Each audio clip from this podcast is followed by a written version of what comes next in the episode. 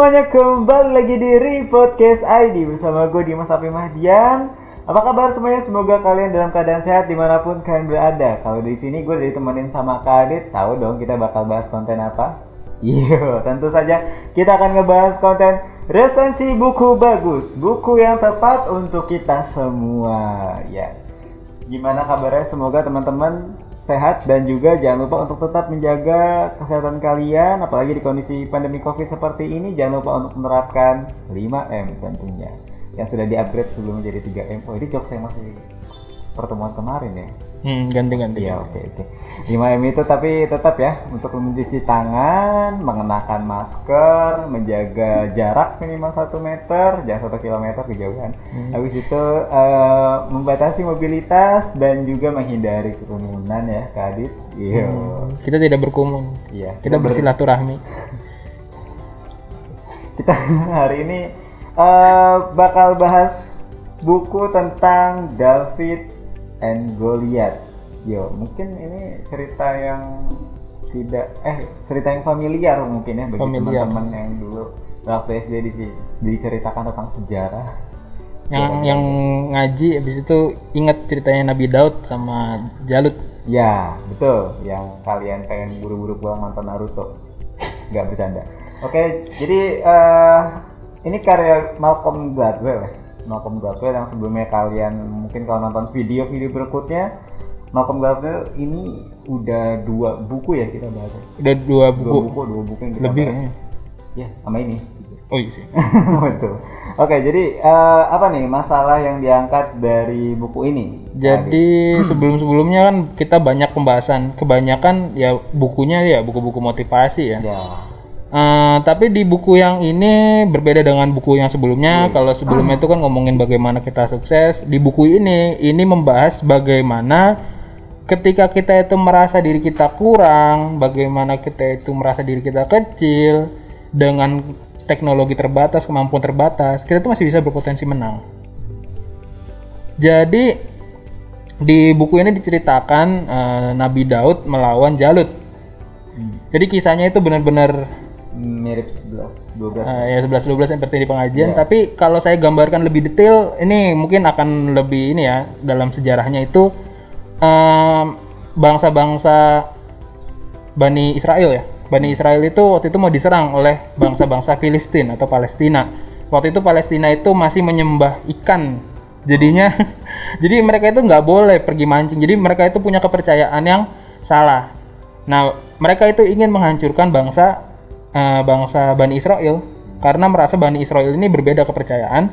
Nah, maka ditunjuklah salah satu pemimpin namanya Talut ya. Nah, Talut itu membawa 80 80 ribu prajurit eh, untuk menghadapi sekitar kurang lebih 250 ribu prajurit bangsa Filistin. Nah, prajurit-prajurit ini menggunakan persenjataan yang lengkap. Persenjataan yang lengkap ini seperti apa? Mereka memiliki kereta kuda, mereka memiliki eh, kuda, mereka memiliki pasukan pemanah dan penombak. Jadi itu benar-benar lengkap 250 prajurit. Eh 250 ribu prajurit ber- berhadapan dengan 80 ribu. Nah dari 80 ribu ini ternyata mereka itu di perjalanan berkurang. Hmm. Ada yang tergoda capek, habis itu melewati sungai berkurang sekitar kurang lebih 4000. Bayangin, dari 80 ribu hanya sisa 4000. 4000. Nah, 4000 orang ini dipimpin oleh Talut dengan izin Allah mereka terus eh, dengan semangat ya, semangat eh, untuk mempertahankan tanah air dan mempertahankan kepercayaan mereka, mempertahankan agama mereka.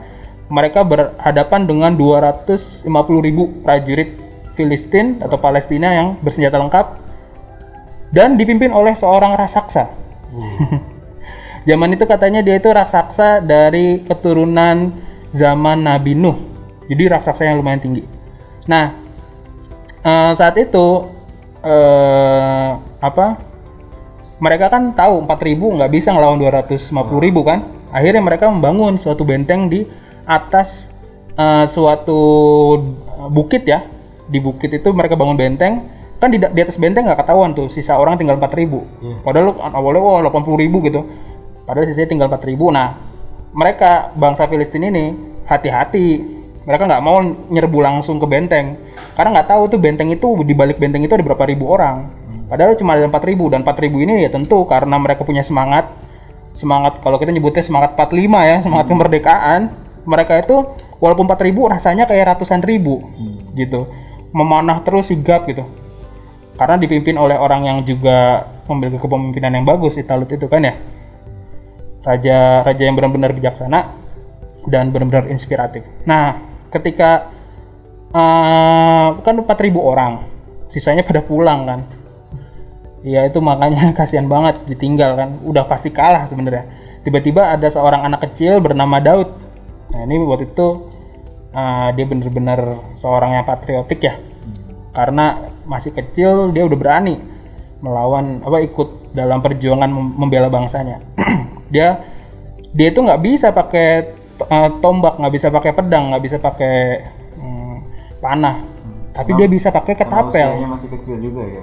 Iya, dia itu biasa dia bi- biasa pakai ketapel untuk melawan hewan buas ketika lagi mengembala kambing atau mengembala dombanya.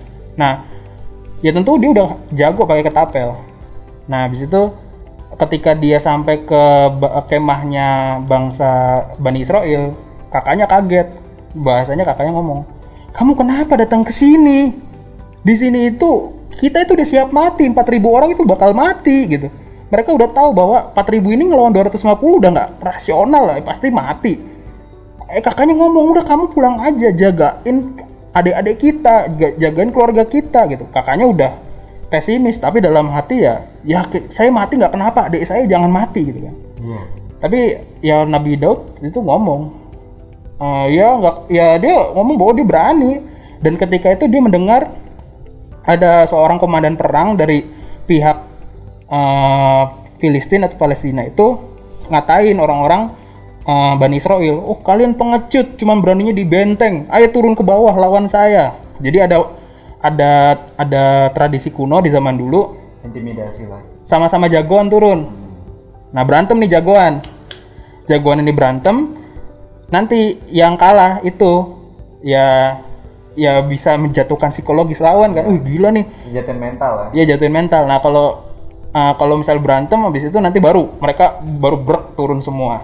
Nah ini muncullah komandan dari pihak Filistin, seorang raksasa dengan tro, apa dengan ketopong atau helm baja dan baju baja juga kan menggunakan perisai dan tombak dan pedang ya perisai dan tombak dia udah lang- lengkap gitu dia udah raksasa udah kayak tank zaman sekarang tuh kayak tank dia tuh datang habis itu Nabi Daud ngomong kenapa kalian diam di sini dia mengatai kita di bawah di bawah lembah sana tanpa pikir panjang Nabi Daud turun kakaknya panik kan wih panik adik gue berani banget Greget.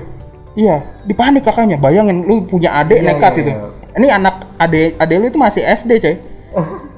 Bayangin. Greget banget. tadi Nah, pasti gua udah habis itu kamu kan otomatis jadi seorang kakak gak bisa ngentiin adiknya yang benar-benar semangat untuk membela bangsanya. Kak, dikasih lah. Kakaknya ngomong, "Ini pakai pakai apa? Pakai perisai dan pedangku." Daud ngomong, Nabi Daud ngomong, "Enggak, saya nggak bisa pakai gituan." Kakaknya bingung. Hah? Kamu nggak bisa? Terus kamu mau lawan pakai apa? Udah turun aja dia. Kakaknya bingung tuh di benteng. Dia ngelawan pakai apa? Sampai di bawah, Nabi Daud mengeluarkan batu yang dia pungut waktu di sungai. Diketapel lah si ya raksasa itu. Langsung kena pala headshot, mati. Nah, ini dia. Jadi ketika ketika yang lemah seorang anak kecil, bangsa yang lemah, bangsa yang di yang direndahkan oleh orang-orang Filistin, orang-orang yang musyrik itu mengatain bangsa Bani Israel yang tauhid itu dikatain Hmm. dengan seorang anak kecil bisa mengalahkan jagoan mereka yang raksasa. Ini baru anak kecil, coy. Orang-orang 250 ribu itu ngapain? Psikis. Anak kecil aja bisa ngalahin raksasa. Gimana orang dewasanya? Mikir nggak? Ini kan pasti. Dan mereka nggak tahu tuh di balik benteng ada berapa orang nggak tahu. Bisa juga mereka langsung kan ngerubung langsung. Mereka udah orang-orang Palestina udah kena psikis. Akhirnya mereka apa? Mundur 250 ribu itu. Men- perang itu dimenangkan oleh pihak Bani Israel.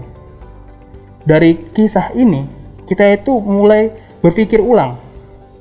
sebenarnya kekuatan itu apa sih? Iya, benar. Keunggulan apa sih? Oke, jadi poinnya itu lebih di apa namanya dititik beratkan ke apa sih dari power atau keunggulan yang dimiliki oleh seseorang gitu Iya, dimiliki dari suatu kelompok sendiri gitu. Iya, sebenarnya apa sih? Yang kan yang unggul kan kalau hitung-hitungan siapa? ya secara kuantitas Kuantitas orang Palestina. ya benar, Secara fisik? 250 ribu. Orang Palestina kan secara fisik. juga, maksudnya punya keunggulan juga di sana Iya. Terus yang terjadi kalah kan? Nah, Nah, itu berarti kan harus didefinisikan. Nah, buku ini mendefinisikan keunggulan. Oh jadi ini lebih melihat sudut pandang keunggulan itu tersendiri ya Iya, kadang-kadang kita kan memandang diri kita lemah. ya Misalnya kita memandang diri kita, wah saya nggak bisa, saya itu bodoh.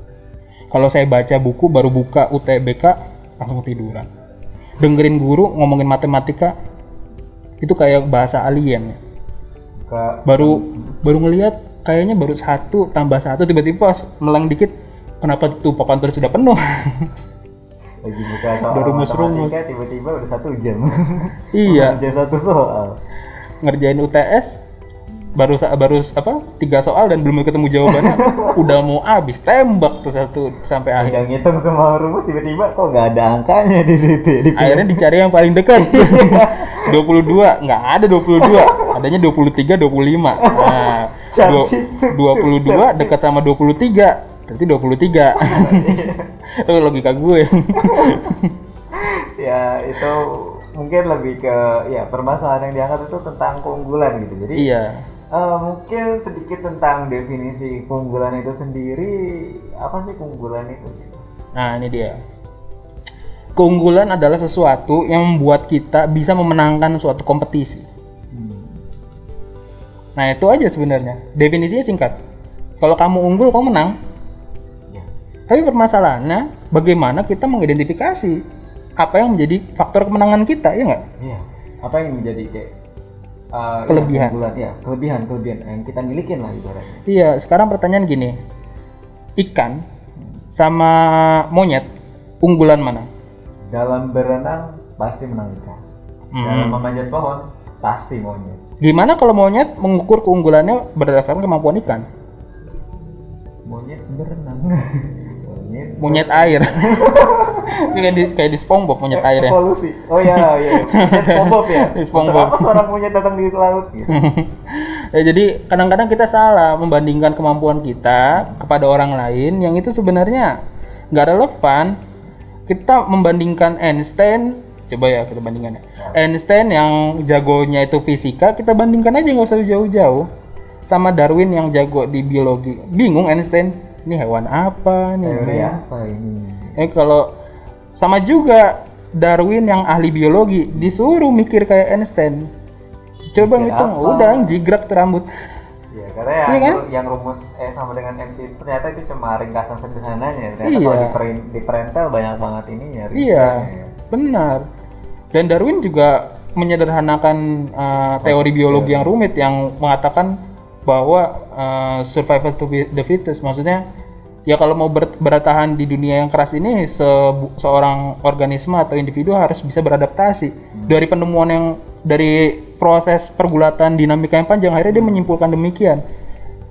Ya Einstein berbeda. Dia berpikir dengan berbeda. Dengan matematis Darwin berpikir secara filosofis. Dia nggak bisa ketemu. Artinya ada ada keunggulan masing-masing kan? masing-masing ya. Punya coba Einstein disuruh gambar melukis eh suruh membaca mungkin. Newton Dikeluarkan. Newton disuruh lari 100 meter ngalahin Usain Bolt Tidak mungkin. itu kalau nggak dia kejungkal Baru, capean baru satu meter sudah pusing dia. udah si si Newton baru 10 meter Usain Bolt udah nyampe selesai Zup. kan Usain Bolt kan orang tercepat la- larinya Benar-benar. bahkan dia waktu lagi lari dia dia masih sempat noleh kanan kiri oh yang kanan kiri pada ngos-ngosan luar biasa Newton melihat kakinya ini nyentuh apa tidak gravitasinya. jangan-jangan dia tidak tidak terikat oleh gravitasi bumi Akhirnya dia Iya. buat teori baru lagi. kan kalau kita mau tapi kita juga ke- kesalahan jika kita mengukur Usain Bolt itu dibandingkan dengan Stephen Hawking kan Oh. gila itu hanya orang bodoh yang meng- meng- apa mengang- membandingkan dua tokoh yang berbeda dengan kemampuan yang berbeda. Nah kenyataannya kita udah tahu hal ter- tersebut tapi kita masih mengulangi kesalahan yang sama. Kayak apa? Ya gampang. Ya pendidikan di Indonesia ini kan. Nah, jangan kan di pendidikan. ya berarti ini berarti masuk ke tema bagaimana kita salah membaca keunggulan. Hmm. mau masuk tema ini? Masuk ya? Lanjut. Lanjut. Kita, kita cari tahu nih. Eh, bagaimana cara kita itu membaca sebuah keunggulan? salah membaca keunggulan paling Ya, maksud saya itu. Maksud salah saya membaca apa? keunggulan salah membaca dulu biasanya dari kesalahan kita akan tahu cara yang benar Oh iya, betul betul betul. Gimana cara? Kok jadi kayak kayak asal Malaysia gitu. Ya, jadi eh, kita akan ngebahas tentang eh, bagaimana cara kita salah membaca keunggulan. bisa salah ya bisa Iya, salah bisa jadi kita bisa salah dibaca keunggulan pertama kita itu salah karena pendidikan masa kecil kita. Jadi orang tua kita itu memberikan apa yang eh, semuanya di- dikasih ke kita. Semua kenikmatan semua kemudahan itu dikasih. Itu kesalahan terbesar orang tua terhadap anaknya yang dibahas di buku ini. Kenapa? Anak yang itu senantiasa eh, menghadapi kemudahan dalam hidupnya, itu dia itu nggak akan bisa mengidentifikasi apa yang dia, yang dia unggulkan sama yang dia lemah. Karena keunggulan dan kelemahan itu hanya akan bisa ket- diketahui ketika kita itu menghadapi permasalahan. Oh, oke oke. Iya nggak? Betul, betul. Oke. Memanjakan anak itu sama juga kita mengurangi masa ujinya dia. Masa dia itu mengeksplorasi dirinya. Makin dinina bobokan. Baru sadar pas udah gede. Apa ya tujuan hidupku? Apa ya keunggulanku? Apa ya guna aku di muka bumi? Lihat tet- tetangga sebelah. Iya. Sudah jadi, Oh, gue kira tetangga sebelah. sudah jadi pegawai negeri. Oh, Biasanya begitu kan. Kita ada bumbu-bumbu tambahan sepertinya. Iya, jadi kadang-kadang kadang-kadang eh, kesalahannya itu adalah ketika dimanjakan anak itu malah tidak bisa meng- mengeksplorasi kelebihan dan kekurangannya. Gimana mau mengeksplorasi? Dia sendiri aja selalu nggak Tercukupi ya gitu. tercukupi. Padahal dia itu bisa mengeksplorasi kelebihannya ketika dia itu di- dimandirikan Artinya menghadapi situasi penuh masalah gitu. penuh masalah. Itu yang pertama dari masa kecil. Yang kedua pendidikan akademik. Di sekolah berarti. sekolah yang tadi saya bilang pendidikan di Indonesia itu mata pelajarannya 16 mata pelajaran kalau nggak salah Banyak loh. Iya kan? Oh dari dulu juga ya. 16 iya jadi tebel buku-buku di Indonesia ini. Padahal di luar negeri udah spesifik. Kamu mau belajar apa silahkan. Nanti yang kamu sukai. Itu yang pertama. Yang kedua kesalahan dari pendidikan di Indonesia ini adalah yang mungkin akan diperbaiki ya ke depannya insya Allah. Karena juga menteri menteri apa Mendikbud kita juga lumayan ini ya lumayan kreatif kayaknya.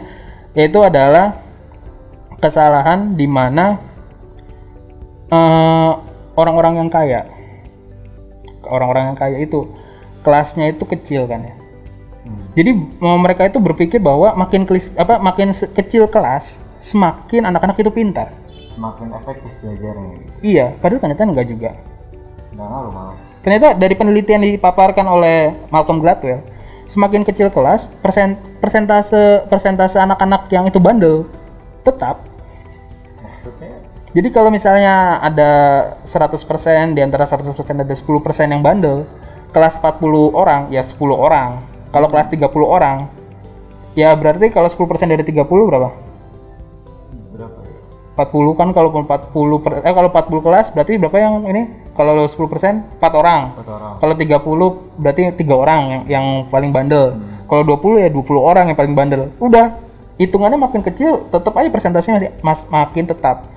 Tapi yang paling penting adalah kalau kelasnya itu besar, kompetisinya itu lebih keras. Dan ketika kompetisinya keras di dalam kelas itu, mereka akan lebih bisa mampu mengidentifikasi dirinya, keunggulannya apa. Jadi dengan banyak berinteraksi dengan banyak anak-anak dari berbagai latar belakang dan kemampuan dan bakat, anak-anak itu malah membangun bakatnya dengan lebih baik. Nih ternyata out of the box pemikirannya. Jadi makin dia itu kecil interaksinya, kelas itu cuma 10 orang, dia cuma bisa berinteraksi dengan 10 orang bakat doang, 10 jenis bakat. Tapi kalau dia berinteraksi dengan 40 orang, dia 40 bakat berinteraksinya. Tapi bukannya dengan yang jumlah sedikit atau 10 orang itu malah eh, lebih maksudnya kan punya stigma pandangan kalau kelas sedikit itu malah lebih gampang nyangkut Ya, pelajaran. gampang bagi gurunya. Hmm. susah bagi ya susah bagi gurunya. Kalau makin banyak orangnya kan makin berisik ya. Hmm. Tapi itu sebenarnya nanti ke ke 40 anak itu saling berinteraksi satu sama lain. Dia akan membandingkan, oh dia kelebihannya di sini, saya kekurangan di sini. Jadi dia satu orang ini bisa membandingkan dengan 39 orang sisanya. Terlepas dari pelajaran akademik ya, maksudnya Iya. eh, lebih ke Ya misalnya saya saya aja deh. Ah. Saya saya kalau misalnya 10 orang belajar 10 orang, ya saya cuma bandingin saya sama 9 orang. Ya nggak terlalu kompetitif lah. Ya waktu itu oh nggak SD aja SD. Waktu SD itu cuma ada dua kelas, kelas A dan kelas B.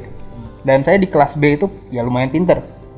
Tapi ketika saya SMP itu kelas A, B, C, D, E ada 6, 6 kelas. 6 kelas. Nah, di 6 kelas ini ternyata saya nggak terlalu pinter. Tapi dari situ saya bisa mengidentifikasi, oh kelebihan saya di sini. Kesukaan saya di sini karena saya membandingkan dengan teman-teman saya yang lain dari kelas yang yang unggulan sampai kelas yang paling bawah ya. Saya di bawah sih. perbandingan Membandingkan kemampuan saya, oh dia kelebihannya di sini, dia kekurangan di sini. Oh dia sukanya hafalan. oh dia Nggak oh, jarang oh, ini. I see. Jadi kayak lebih ke oh ini suka IPA, ini suka unggul Iya. di IPA, unggul di Jadi saya bisa mengidentifikasi diri saya dengan cara membandingkan dengan banyak orang. Makin banyak kita membandingkan, makin tahu keunggulannya. Kita tahu keunggulan suatu produk, panjang atau pendek, kuat atau lemah. Itu kalau misalnya kita bandingkan kan, misalnya gelas ini sama gelas itu, ya kita bandingkan. Kalau kalau makin banyak pembandingnya, makin bagus kan? Iya. Iya nggak? betul. Nah, dengan kelas itu makin luas, makin besar, maka mahasiswa itu atau eh, siswa itu makin banyak bisa membandingkan satu sama lain, mereka semakin bisa mengidentifikasi keunggulannya dan itu lebih bagus. Seperti itu. Ini yang dijelaskan Malcolm Gladwell saya setuju banget. Terus itu yang kedua, yang ketiga adalah lingkungan. Jadi sadar atau nggak sadar kita tuh biasa bandingin diri kita sama lingkungan. Dan secara sadar atau tidak sadar, mungkin orang-orang terdekat kita suka membandingkan kita dengan lingkungan. ya. Ya benar sekali.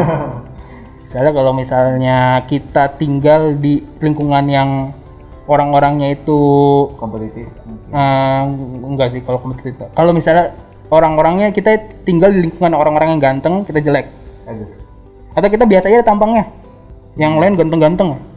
Kita pasti ngerasa jelek. Iya. Tapi kita ketika kita muka dengan muka standar, kita tinggal bersama dengan teman-teman kita yang mukanya standar-standar juga, Kita pasti merasa ganteng. kita bisa merasa ganteng-ganteng aja. Apalagi kalau teman kita mukanya jelek-jelek. Kita lebih ganteng. Oh iya ya. kita mentereng sendiri malah jadi lebih ganteng kan. Iya benar-benar. Nah, ternyata itu lingkungan kalau di ya secara gambar gambarannya jika, Ya, gambaran. jika wajah ya. Tapi bagaimana dengan bakat? Nah, ternyata di buku ini dijelaskan ada lulusan dari Harvard sama lulusan dari universitas biasa. Ternyata lulusan dari Harvard sama universitas biasa ketika berkarir sama aja kok. Cuma bedanya yang dari Harvard ini dia punya link.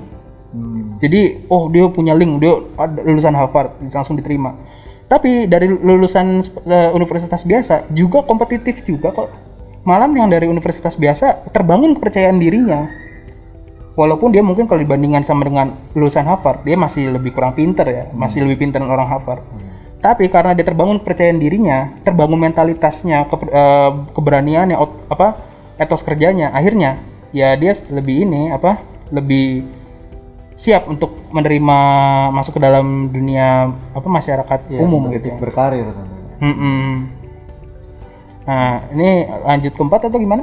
Hmm, mungkin lanjut satu poin lagi kali. Satu ya, poin lagi ya. Stres terhadap kekurangan. Nah, ini dia. Jadi ketika kita ingat Albert Einstein itu ngomongnya terlambat. Pernah dengar nggak? Ya iya benar dia punya sedikit kekurangan ya. Mungkin Iya. diseleksi ya. Eh, Iya, di seleksi ya. iya iya. Ngomongnya terlambat. Habis itu siapa itu namanya? Thomas Alva. Thomas Alva Edison juga sama. Ketika dia itu terlalu kritis, habis itu sampai dia dikasih surat ke orang tuanya, orang tuanya dikasih surat dan baca bahwa eh, si Edison ini menderita kekurangan mental. Iya. Tapi Iya. orang tuanya apa support ke anaknya ngasih tahu surat itu kalau eh, anak ibu ini terlalu pintar ya. Ibunya malah bilang kayak gitu ke Thomas Alva Edison. Iya. Jadi eh, sebenarnya mungkin ya ibunya juga sadar ya ke ke- atas iya sih, kekurangan benar. anaknya. Tapi di, yang dilihat di sini adalah orang-orang yang dengan menderita kekurangan tertentu, Hmm. dia itu lebih tanggap, lebih berusaha terhadap eh, dia terbangun etos kerja usahanya lebih bagus daripada orang yang mendapatkan segalanya. karena dia mungkin perlu pembuktian mungkin Hmm, mungkin bukan eh, ya pembuktian pertama. Yang kedua karena dia itu kekurangan untuk bisa kembali menyaingi teman-teman atau minimal sama dengan teman-teman yang effortnya lebih besar. Ya nggak? Benar. Ketika effortnya itu besar dia itu eh, akhirnya terbangun tuh mentalitas-mentalitas juara seperti ketahanan stres dia memiliki mentalitas baja kerja keras tidak mudah menyerah dan bahkan dia juga punya kepribadian-kepribadian seperti ya nggak peduli dengan ucapan hinaan orang dia tetap maju teguh pendirian dan lain sebagainya. Dan itulah yang membuat dia bisa lebih sukses. Ingat ke, di mana ada kekurangan di situ ada kelebihan. Nah. Yang salahnya itu malah kita menjadi stres terhadap kekurangan tersebut. Iya, padahal kekurangan kita itu ya belum tentu bisa apa belum tentu menjadikan kita tuh gagal di masyarakat gitu. Betul. Jadi nanti ada dua poin lagi dan juga tips bagaimana cara kita membentuk suatu keunggulan an- atau uh, mencari keunggulan tersebut. Oke, jadi jangan ke mana-mana terlebih dahulu.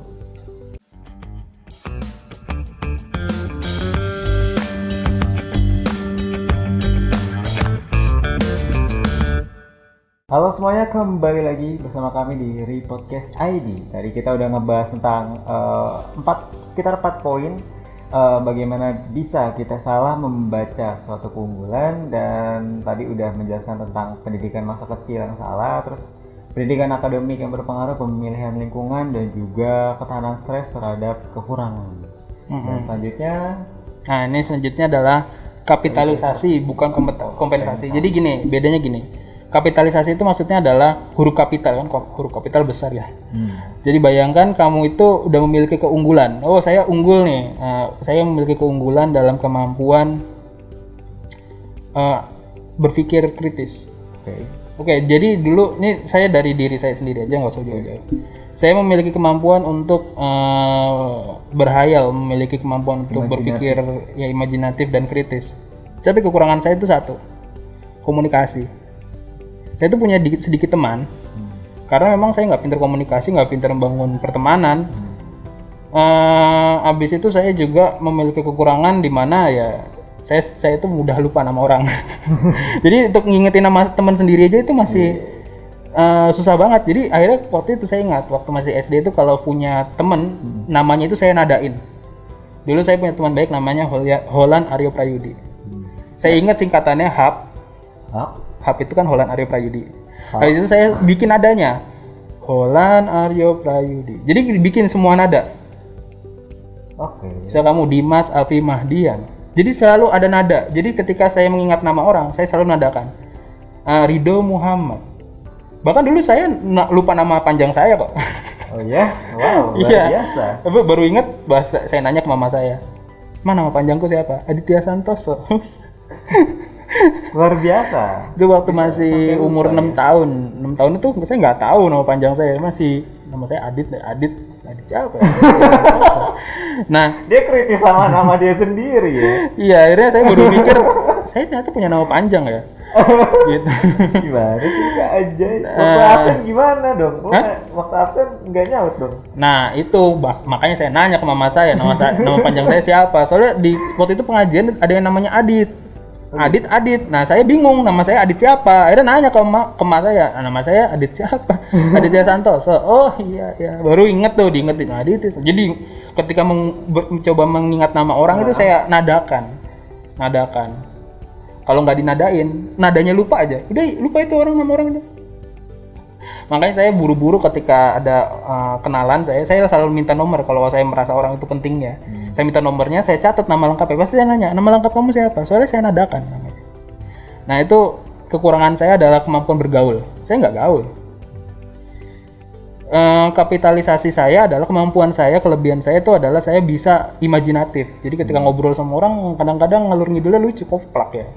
Iya. Ya imajinatif, kemampuan abstraksi. Sejarah perang, Seja- bahas perang galaksi. Iya, sekarang saya ngobrol sekarang aja kan ini hasil dari kapitalisasi kemampuan abstraksi saya. Kekurangan saya itu ko- apa kom- eh, kekurangan saya di komunikasi, makanya kadang-kadang saya gagap ketika ngomong gitu ya. Nah, padahal kemampuan itu semuanya dibutuhkan di masyarakat gitu.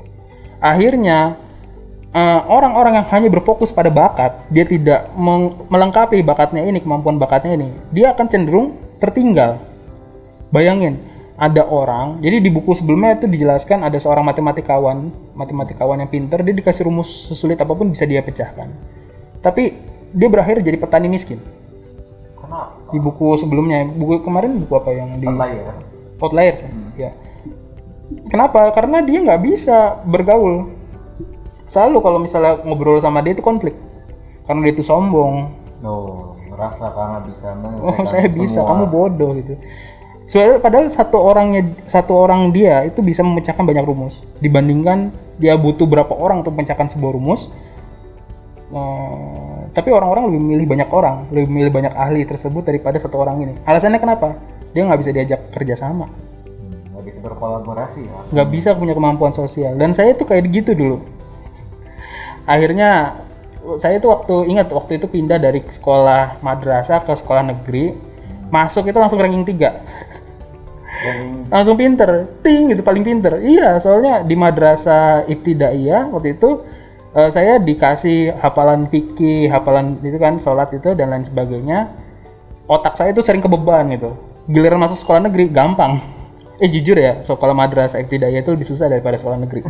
Jadi kalau bisa pinter di sekolah negeri jangan terlalu bangga lah ibtidaiyah susah soalnya semua ilmu dipelajarin dari ilmu fikih sampai ilmu ini kan. Pas masuk sekolah negeri ih plong banget coy. Cuma ada matematika bahasa ya, bahasa Inggris IPA IPS gitu kan gampang. Akhirnya saya ng- menguasai langsung ranking 3 yang mentok di atas saya itu ada dua orang saya ingat namanya Aldila Sandra Florence apal karena nada ya. sama Afkari. Afkari nama panjangnya lupa kan?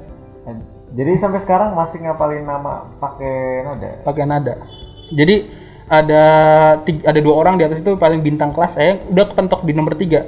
Tapi setelah itu saya mem- mempelajari bahwa jadi pinter itu bukan hal yang utama di sekolah. Hmm. untuk apa pinter nggak punya temen mulailah saya bandel. Di semester pertama kelas 3 itu saya bint apa ranking 3 semester kedua saya turun. Ranking 6 semester berikutnya ranking 11 10 11 10 11 10 ya mendingan saya ranking 11 10 saya punya teman banyak daripada saya ranking tinggi nggak punya teman. Ya nggak? Akhirnya itu kebiasaan akhirnya sampai SMP SMP itu saya juga eh, berusaha untuk mengembangkan kemampuan sosial saya. Saya berteman dengan anak-anak yang gamers saya berteman dengan anak-anak yang pinter. Anak-anak gamers ya seru aja main game ya. Yang kedua anak-anak pinter. Ya kalau nggak pinter ya nggak bakal lulus gitu bahasanya kan. Begitu juga pas saya di SMA saya masuk organisasi OSIS. Saya berusaha mengembangkan kekurangan saya itu kemampuan sosial.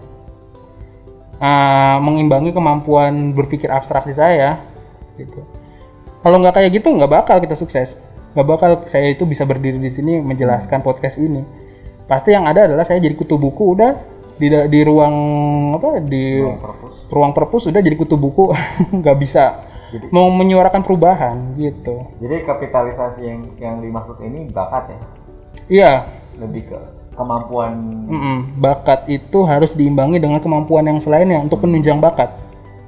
Jangan lupa bahwa bakat itu bakat sendiri itu memang harus dikembangkan. Hmm. Cuman ada ilmu-ilmu sampingannya untuk bisa memperlancar perkembangan bakat. So kalau Einstein itu pinter, cuman dia nggak bisa mengkomunikasikan gagasannya, itu ilmu itu udah cuman dia doang yang tahu, tapi orang lain nggak tahu. Artinya nggak worth it buat orang banyak ya, nggak Iya, bermanfaat. nggak bermanfaat. Cuman karena Einstein mampu mengkomunikasikan, ya ilmunya berguna. Seperti itu. Jadinya bakat tanpa kemampuan penunjang itu sama juga bohong. Nah, ke- kekurangannya sekarang itu banyak orang yang mengidentifikasi bakat. Oh, dia bakatnya bermusik, udah bermusik aja. Yang kemampuan yang lainnya nggak diasah. Oh, ya kayak misalnya. Oh, dia, dia ah- ahli nih, jadi atlet. Udah jadi atlet aja. Pas udah selesai masa atletnya bubar, dia bingung mau jadi apa. Stres. Itu jadi tekanan tersendiri saat itu ya. Iya. Orang-orang tersebut. Mm-mm, jadi kita itu bukan cuman berpatok pada bakat, cuma eh, kita juga melihat life skill kita.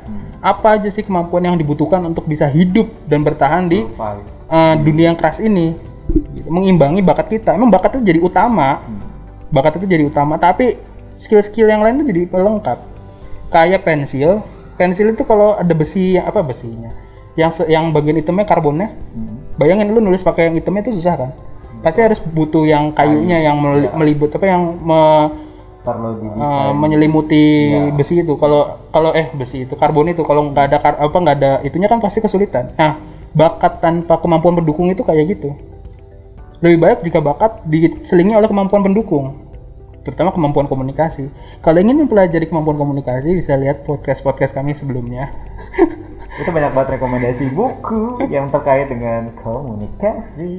Nih kita kebanyakan promo. Oke, Iya, lanjut iya lanjut. dong. Karena ya kalian banyak nuntut buku. Nanti kita juga ini nuntut tadi promo. tadi udah poin kelima ya? Ya, Poin terakhir berarti Oh, ya, poin terakhir ya. Ya, itu itu terakhir. adalah kepercayaan yang keliru. Jadi kita salah memiliki nilai- nilai-nilai yang salah. Eh, bayangin dulu Belanda percaya bahwa deng- dengan senjata yang kuat suatu bangsa bisa memenangkan peperangan. Dia ngeliat Jerman mungkin ya, Hmm. atau Amerika ketika menggempur Jerman senjatanya canggih. Dia lupa bahwa kesulitan itu yang paling utama. Ah- Alhasil apa? Agresi militer pertama dan agresi militer kedua disambut meriah oleh bangsa Indonesia dengan solid dan memenangkan sehingga kita bisa merdeka sekarang. Ayo, merdeka. Merdeka. Merdeka. Nah, jadi Gue kayak ini bener-bener nih membanggakan. Bangsa Indonesia itu itu kayak itu loh kita kayak Daud. Dan bangsa Belanda itu Goliat atau Jalut ya.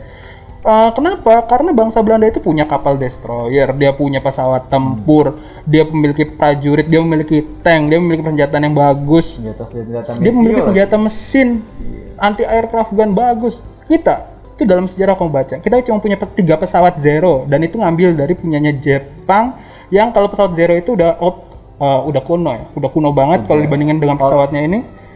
Tapi kita menang. kita menang. Kenapa kita menang? Jawabannya adalah nilai kita itu beda. Kelebihan kita menyadari keunggulan bangsa Indonesia itu bukan di bukan di senjata yang bagus. Bukan di kemampuan apa eh bukan di persenjataan yang bagus bukan di eh, apa? Strategi militer yang bagus. oh strategi militer bagus kita. Oke. Pak Sudirman itu wah Jenderal Sudirman luar biasa. Nah kita melihat apa? Keunggulan kita adalah kesulitan. Dari kesulitan itu lahirlah strategi militer yang bagus itu bisa berjalan. Dan juga pan dan berani berkorban. Siapa yang berani masuk hutan? Belanda berani masuk hutan? Enggak. Belanda itu dalam sejarah itu nggak berani masuk hutan. Mereka itu masuk hutan itu kalau pakai tentara bayaran. Ketika tentara bayaran Belanda itu memihak pada Indonesia, yang namanya Kenil itu, Hmm. akhirnya mereka menyadari bahwa tentara tentara yang dididik Belanda, tentara Indonesia yang pribumi yang dididik Belanda itu menyadari bahwa dia nggak mau dikadalin Belanda, ya dia gabung ke Indonesia membentuk apa namanya eh, tentara keamanan rakyat dulu ya. Hmm. Nah itu akhirnya melawan Belanda. Wah luar biasa itu, kesulitan. Dan dari kesulitan itu, strategi militer itu bisa berjalan dengan baik. Karena di situ ada kepercayaan. Gitu. Oh, jadi Jadi nilai-nilai yang lama itu kita harus berpegang pada nilai-nilai yang baru, yang lebih unggul. Jangan terjebak pada nilai-nilai yang lama. jadi itu ya eh, berarti total 8 ya 8 poin-poin 6 Iya. coy, tuh enggak 4 sama 6. 8 tadi sama pelengkap maksudnya Oh iya. Ya, silahkan ditambahkan. ya, pe- pembaca bisa mencatat sendiri sambil mendengar. Yang, ben- yang benar siapa? Kalian bisa langsung komen di bawah. Demikian ya kesalahan-kesalahan yang eh, salah saat kita membaca keunggulan. Jadi eh, gimana sih cara kita membentuk keunggulan itu sendiri atau kita mencari keunggulan itu sendiri? Nah, ini dia. Yang pertama itu keunggulan itu diciptakan oleh orang-orang yang itu kreatif. Dia itu kreatif, disiplin, dan rela untuk melawan mendobrak hmm, kebiasaan normal. Eh, jadi ketika kita itu apa? Ketika kita itu, jadi keunggulan itu kan tadi sudah saya jelaskan bahwa ya merupakan suatu hal yang itu unik di dalam diri kita, yang kita ciptakan dari dalam diri kita. Nah, orang-orang yang bisa unggul itu adalah orang-orang yang bisa mengetahui keunggulan ketika dibandingkan. Dia membandingkan dirinya dengan orang lain. Membandingkan, membandingkan, membandingkan. Akhirnya dia tahu kelebihan saya di sini. Hmm, Tapi mengetahui kelebihan tanpa ada kedisiplinan sama juga bohong, ya nggak? benar sih. Pertama dia bisa menciptakan ide. Oh saya ahli nih dalam bidang uh, dalam bidang berpikir, udah dalam ber- ber- bidang kreatif, kreativitas. Tapi permasalahannya saya tidak mau mengembangkan kemampuan uh, kemampuan-kemampuan yang menun- menunjang kreativitas, misalnya kemampuan komunikasi, kemampuan menambah data supaya data-data yang lebih apa Lebih- supaya pemecahan kreatif itu lebih valid ya lebih, lebih valid dan lebih bagus. banyak wacananya Nah, karena tidak disiplin ya nggak bakal itu terrealisasi eh, ba- apa kelebihan tersebut, keunggulan tersebut pasti akan menghilang. Dan yang terakhir adalah ya ini individualis atau egois ya. Tapi bukan egois dalam artian tidak peduli pada orang lain. jadi maksud dari egois itu lebih mementingkan diri sendiri Bukan. Egois itu maksudnya adalah bukan egois di sini. Kalau di sini nyebutnya egois. Kalau saya bukan egois, menafsirkannya apa itu independen, berpendirian ya berpendirian. Jadi apa kata orang terserah saya. Kenapa? Karena saya yang hidup, bukan mereka. Mereka tidak hidup di dalam dunia saya dan saya tidak terkungkung oleh dunia mereka. Saya yang menentukan jalan hidup saya. dalam konteks mencari sebuah keunggulan ya Dalam konteks mencari ke sebuah keunggulan. Jadi kita harus bisa mengetahui keunggulan kita dengan cara membandingkan dengan orang lain. Misalnya saya bandingin sama kamu nih, atau kamu bandingin sama saya deh. Kamu pasti bisa mengidentifikasi, oh saya lebih di mana? Oh saya lebih ramping daripada Kak Adit. Oke. atau mau mengidentifikasi keunggulan misalnya, oh saya eh, saya lebih tenang dalam berbicara, maka jadi host. Habis itu kamu secara teratur melatih diri kamu berbicara di depan eh, kaca, meng- mengatur intonasi, mimik wajah dan lain sebagainya, dan kamu independen. Ada nanti teman-teman kamu bilang, ah podcast lu jelek, lu ngomong nggak bener.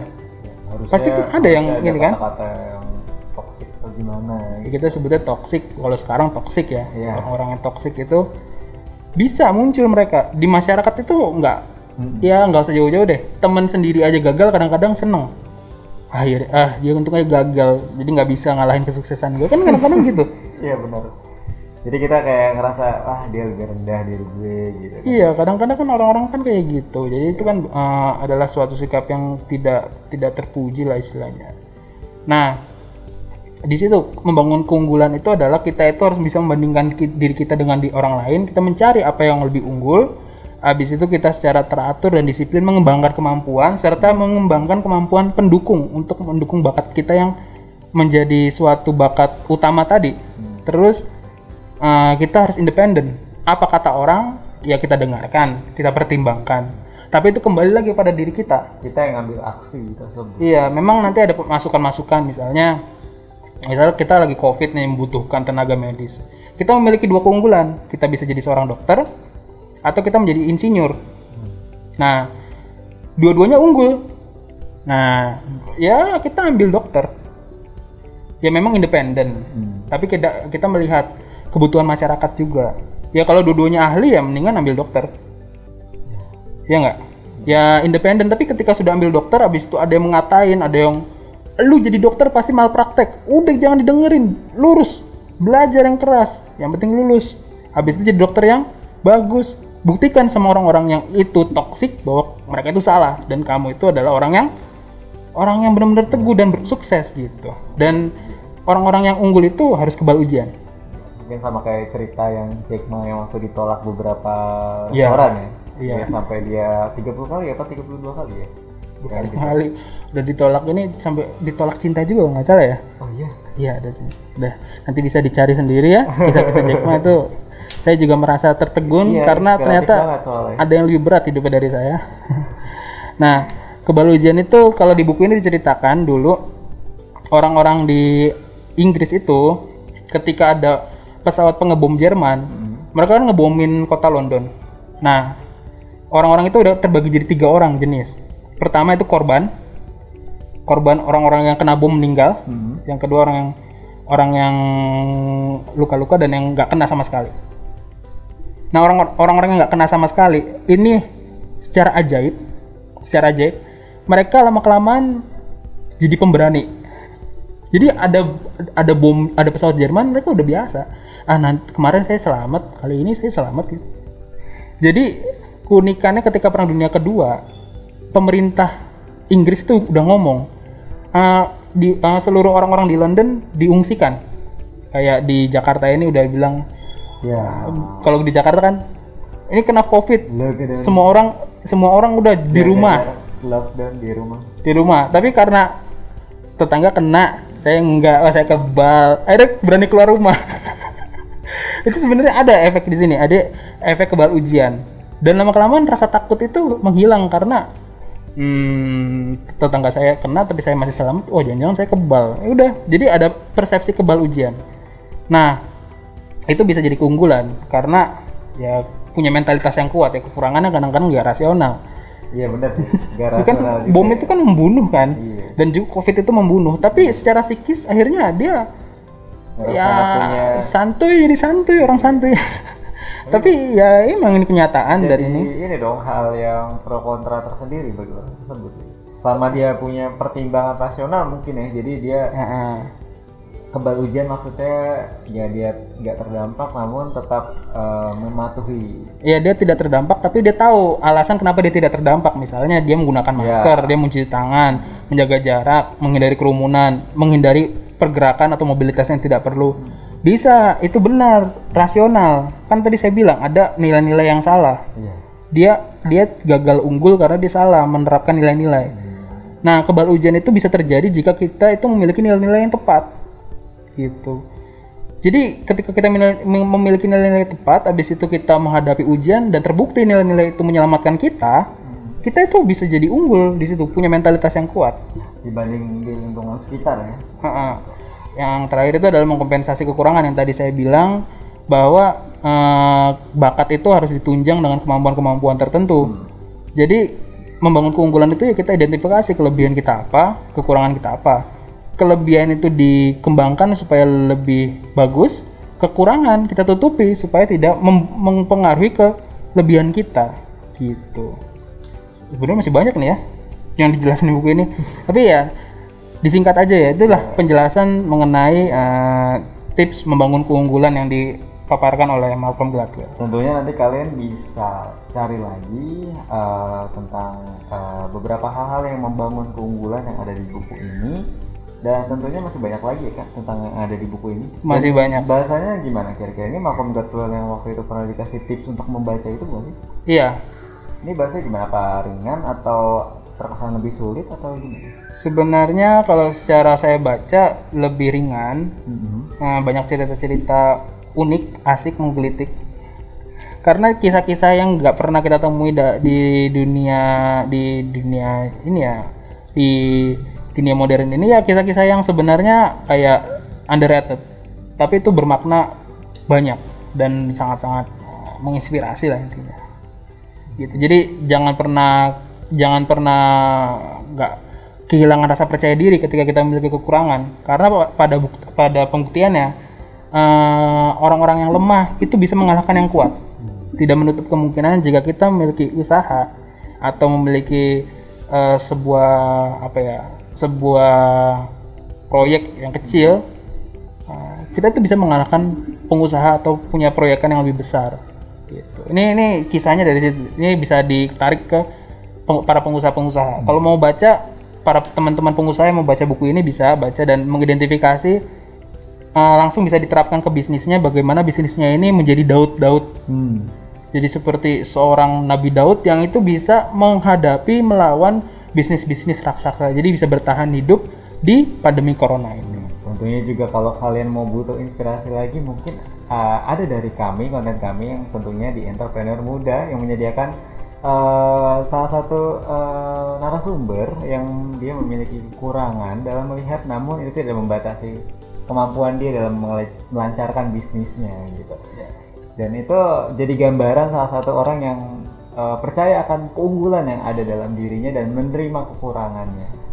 Betul ya? Benar. Jadi itu ya tentang eh, sedikit eh, resensi dari buku ini. Kalian bisa baca lebih jelasnya yang ada di buku ini dan tentunya kalian bisa beli buku ini di tempat-tempat yang kalian suka gitu. Di toko buku yang jelas ya. Toko online di buku. Masa toko semen coy. Ya, kan nggak mungkin kita beli buku di toko bangunan gitu. Bisa aja sih. Eh, tips-tips memilih kualitas bata yang bagus. Jadi itu ya eh, buat teman-teman yang eh, mau mencari tahu lebih lanjut tentang poin-poin yang ada tadi kita sampaikan, kalian bisa cari lebih langsung di buku ini. Dan tentu jangan lupa untuk meluangkan waktu kalian untuk membaca buku dan tetap menjaga kesehatan kalian. Terima kasih bagi kalian yang udah menonton video ini dari awal hingga akhir gitu. Dan seperti biasa, Oh, quote dulu, quote dulu, Quote dulu. dulu. Oh, udah dada aja gue. Ya nggak apa-apa sih. Ah iya, iya. Ya, kan dulu. selesai. Oh, iya, iya. Oke ini ada quotes yang tentunya dari ya, dari Quran, Quran surat Al-Baqarah ayat 249. Saya baca artinya ya. Ya ingatlah betapa banyak kelompok kecil mengalahkan kelompok besar dengan izin Allah Subhanahu wa taala. Terima kasih buat teman-teman semua. Stay healthy everyone. Jangan lupa untuk menjaga kesehatan kalian, uh, menerapkan protokol kesehatan. Bye bye.